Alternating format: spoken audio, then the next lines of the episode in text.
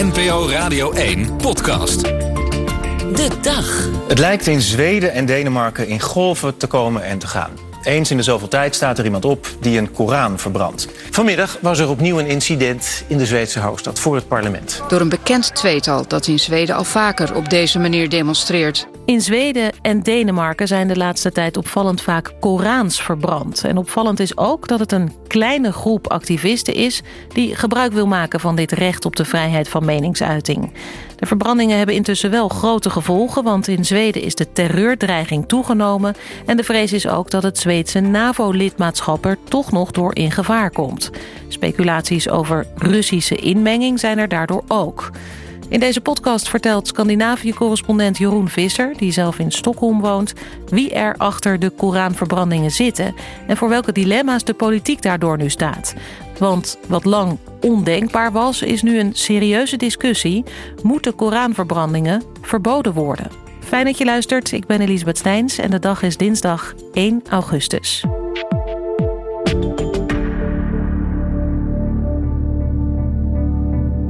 Opnieuw was er vandaag een Koranverbranding in Zweden. En ook in Denemarken zou het weer zijn gebeurd. Deze anti-islamdemonstraties vinden meestal plaats voor een ambassade van een islamitisch land. Maar vandaag gebeurde het in Stockholm voor het parlement. Door een bekend tweetal dat in Zweden al vaker op deze manier demonstreert. En waar de Zweedse en Deense autoriteiten mee in hun maag zitten.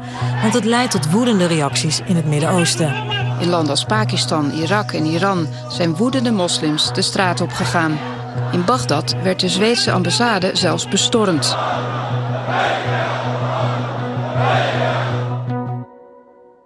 Jeroen Visser, er zijn de laatste tijd verschillende Koranverbrandingen geweest in Zweden en in Denemarken. Gisteren was het raak in Stockholm, waar jij ook woont. Twee mannen staken bij het Zweedse parlement een Koran in brand en zij hebben dit ook al eerder gedaan. Wie zijn deze mannen en is ook duidelijk waarom ze dit doen? Ja, het gaat om uh, twee mannen en ze komen allebei oorspronkelijk uit Irak. Een van hen woont al heel lang in Zweden en heeft het Zweedse staatsburgerschap. De ander is een uh, christelijke Irakese vluchteling. Waarvan in ieder geval de grote verdenking bestaat dat hij een, betrokken is geweest bij een militie in Irak die vocht tegen de islamitische staat. Mm uh, ja, en zij hebben nu al drie Koranacties gedaan. En zij zeggen dat te doen uh, ja, tegen, de, tegen de islam en voor het recht op vrijheid van meningsuiting. Maar daarmee uh, veroorzaken ze dus wel de nodige problemen. En zij zijn niet de enige. En er zijn ook voor de komende weken, zowel in Zweden als in Denemarken, meerdere nieuwe acties ingediend bij de politie. Wie houden zich hier nog meer mee bezig? Ja, je hebt dus ook nog koraalverbrandingen in Denemarken. Hè? En uh, daar is eigenlijk sprake van een uh, extreemrechtse groepering. En de Deense patriotten, uh, die eigenlijk verantwoordelijk zijn voor de, voor de recente Koranverbrandingen. En zij zijn een afsplitsing van um, de partij Strakke Koers van Rasmus Paludan. En daar is het eigenlijk allemaal mee begonnen. daarvoor moeten we even terug naar 2022, dus vorig jaar. de paasrellen in Zweden. Daar uh, was Rasmus Paludan ook bij betrokken. Het is, uh, hij is een um, Zweeds-Deense rechtsextremist met, met politieke ambities. Die al eigenlijk al sinds 2019 Korans verbrandt. afwisselend in Denemarken en in Zweden. Lange tijd was hij ook de enige die dat deed. En ehm, hij kreeg eigenlijk veel aandacht omdat zijn Koranverbrandingen nogal tot rellen leidden. In 2019 in Kopenhagen en, uh, en vorig jaar dus in Zweden. Bij rellen in de Zweedse stad Örebro zijn gisteren zeker acht mensen gewond geraakt. Aanleiding was een bezoek van de extreemrechtse politicus Rasmus Paludan. Voor de derde dag op rij zijn er rellen uitgebroken in Zweden... bij een bijeenkomst van de rechtsextremistische politicus Rasmus Paludan. Voor de vierde dag op rij zijn er in Zweedse steden rellen Aanleiding was de aankondiging van een bezoek van de Deense rechtsextremistische politicus Rasmus Paludan.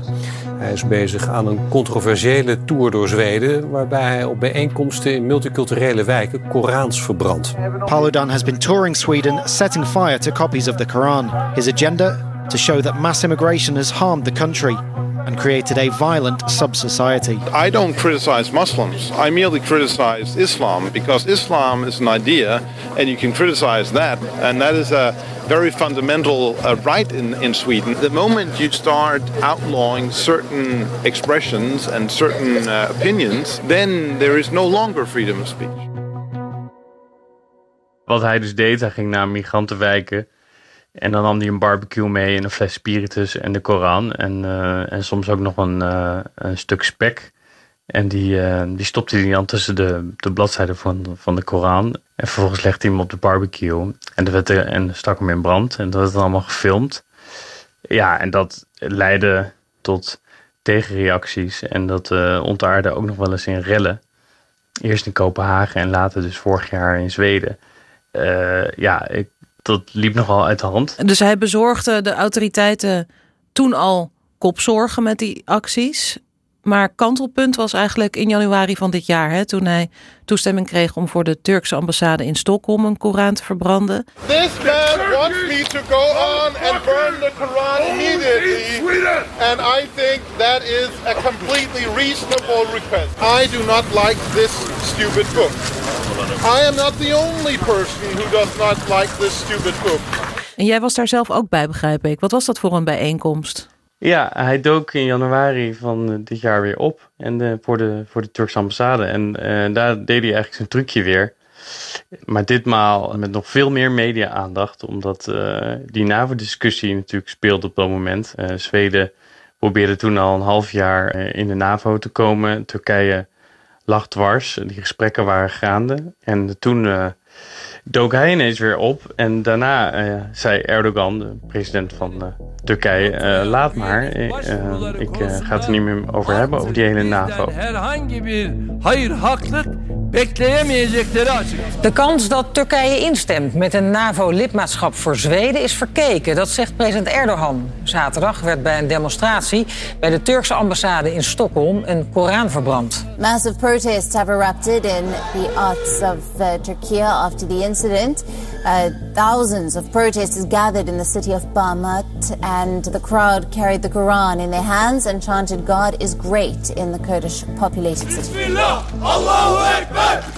Dat was echt een soort kantelmoment, ook in de publieke discussie. En de Zweedse politie heeft toen geprobeerd om uh, verdere vergunningsaanvragen van Paludan af te wijzen. En um, dat ging even goed totdat de rechter zich daarover boog en zei: Ja, dat kan niet, want het valt onder de vrijheid van meningsuiting. Ja, en eigenlijk die, al die media-aandacht voor Paludan en zijn actie voor de Turkse ambassade heeft eigenlijk heel veel andere mensen ook wakker gemaakt. Van hé, hey, ik, uh, ik heb ook wel iets te vertellen. Ja, maar mag ik hem heel even die bal terugkaatsen? Want jij zegt ja, al die media-aandacht. Daar was jij dus eentje van, want jij stond daar ook uh, verslag te geven. Ja, en ik vond het zelf ook wel echt ongemakkelijk. Daar ben ik wel eerlijk over. Want je staat daar dan met, ik denk dat er 15 journalisten waren, cameraploegen. En volgens mij 75 politieagenten of zo. En 10 passanten. Dus, ja.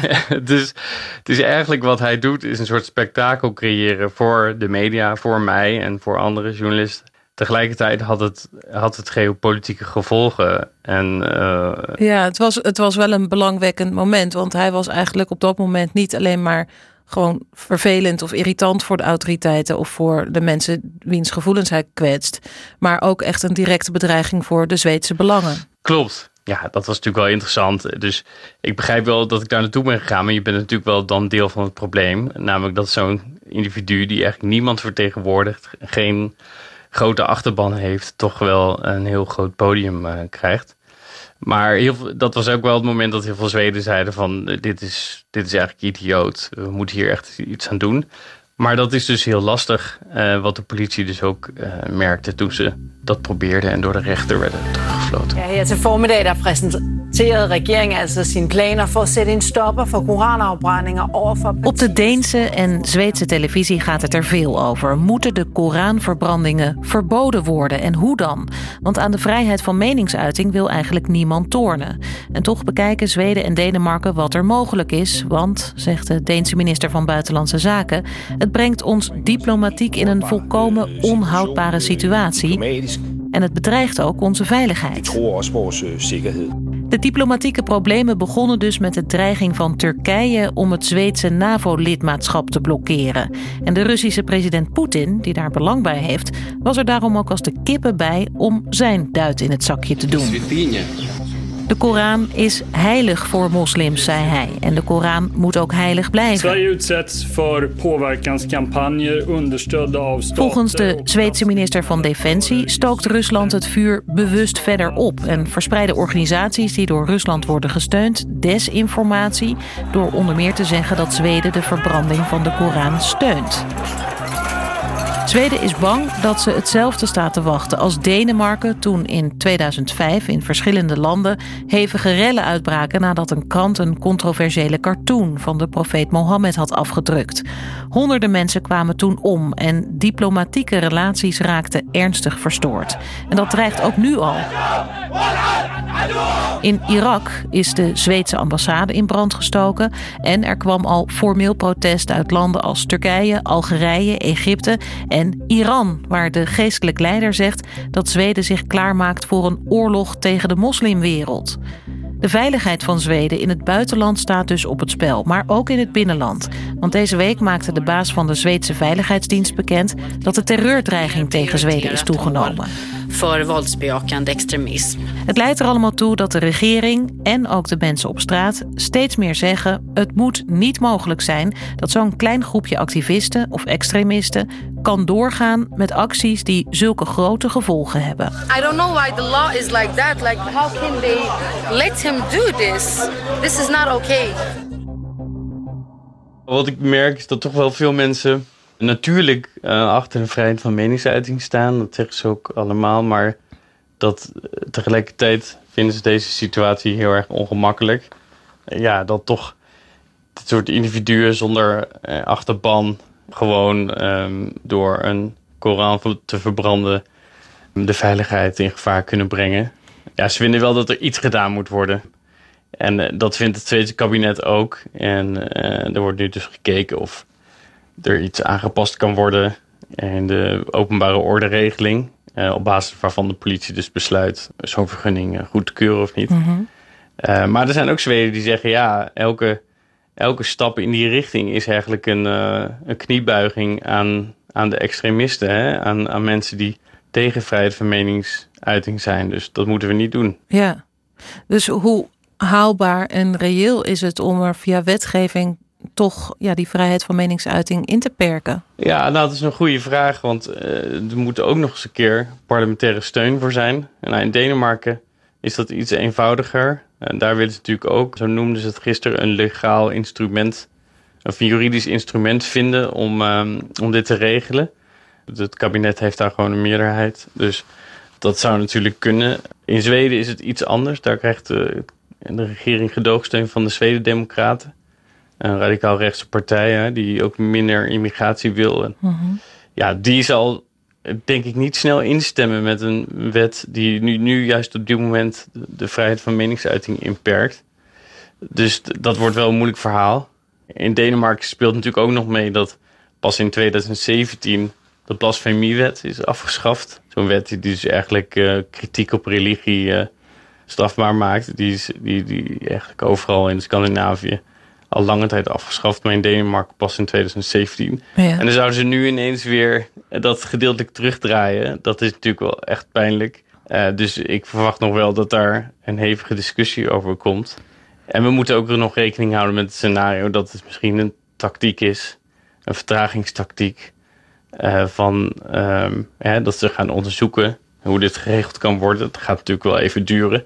En dat ze dan eigenlijk wachten tot het overwaait. Want het is nu een beetje zo'n perfect storm. Hè? Ja. De NAVO-discussie speelt. Uh, er is heel veel media-aandacht. Uh, de zomer, er gebeurt ook weinig anders. Ja. Ander, is dat ook zo als dat gevoeld nieuws. wordt, inderdaad, als een perfect storm? Dat de emoties ook echt steeds hoger oplopen? Wat ik bedoel is dat je natuurlijk nu die, die, die, die NAVO, dat NAVO-lidmaatschap van Zweden hangt een beetje te bungelen. Hè? Dus je wil gewoon eigenlijk dat dat geregeld is. En dan wordt het allemaal veel minder spannend. Dan staat er ook veel minder druk Mhm. mm -hmm. op dit soort uh, Koranverbrandingen.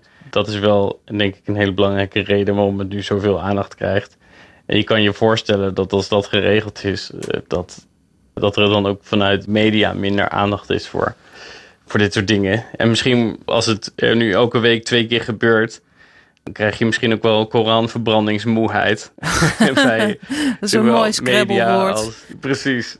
Dus dat zou natuurlijk ook een tactiek kunnen zijn. Ja. Um, hoe het gaat aflopen, dat weten we niet. Hoeveel, hoe lang de aandacht ervoor blijft ook niet. Voor nu is dat in ieder geval wel zo. Bedankt voor de uitleg daarbij. En uh, nou, als we dit weekend uh, tijdens de regenbuien nog gaan scrappelen... hebben we er een mooi woord bij uh, geleerd. Dankjewel. Graag gedaan. En dat was hem voor vandaag. Wil je reageren? Stuur dan een mail naar dedag.radio1.nl. En morgen aan het begin van de middag staat er weer een nieuwe podcast voor je klaar. Fijne dag.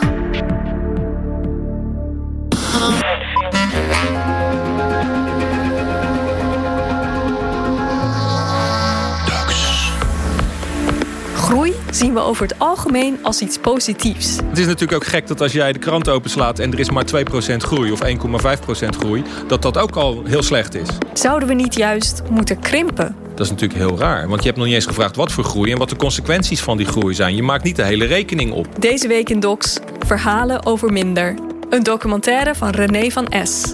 Ik wil zo graag dat we ernaar gaan verlangen, naar die andere relatie met de planeet. Omdat er namelijk helemaal geen prijs volgens mij voor betaald moet worden voor minder. Ik denk dat we alleen maar van alles voor terug zullen krijgen.